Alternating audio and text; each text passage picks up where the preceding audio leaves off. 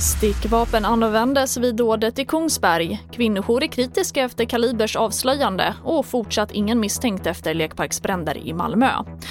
Ja, först i TV4-nyheterna. Alla fem dödsoffer i attacken i norska Kungsberg dödades av stickvapen, det uppger norska polisen idag. Den misstänkta gärningsmannen Espen Andersen Bråten tros ha tappat eller lagt ifrån sig pilbågen innan angreppen. Polisen vill inte säga vad för typ av stickvapen som användes eftersom alla vittnen inte är hörda ännu.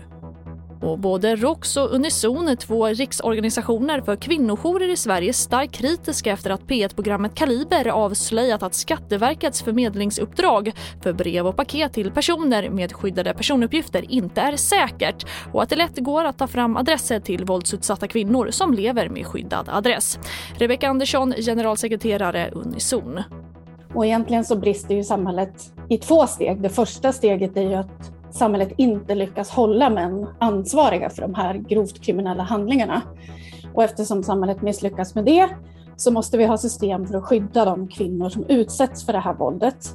Och det är såklart oerhört allvarligt när det systemet då i sin tur, som kvinnor ska lita på, också brister.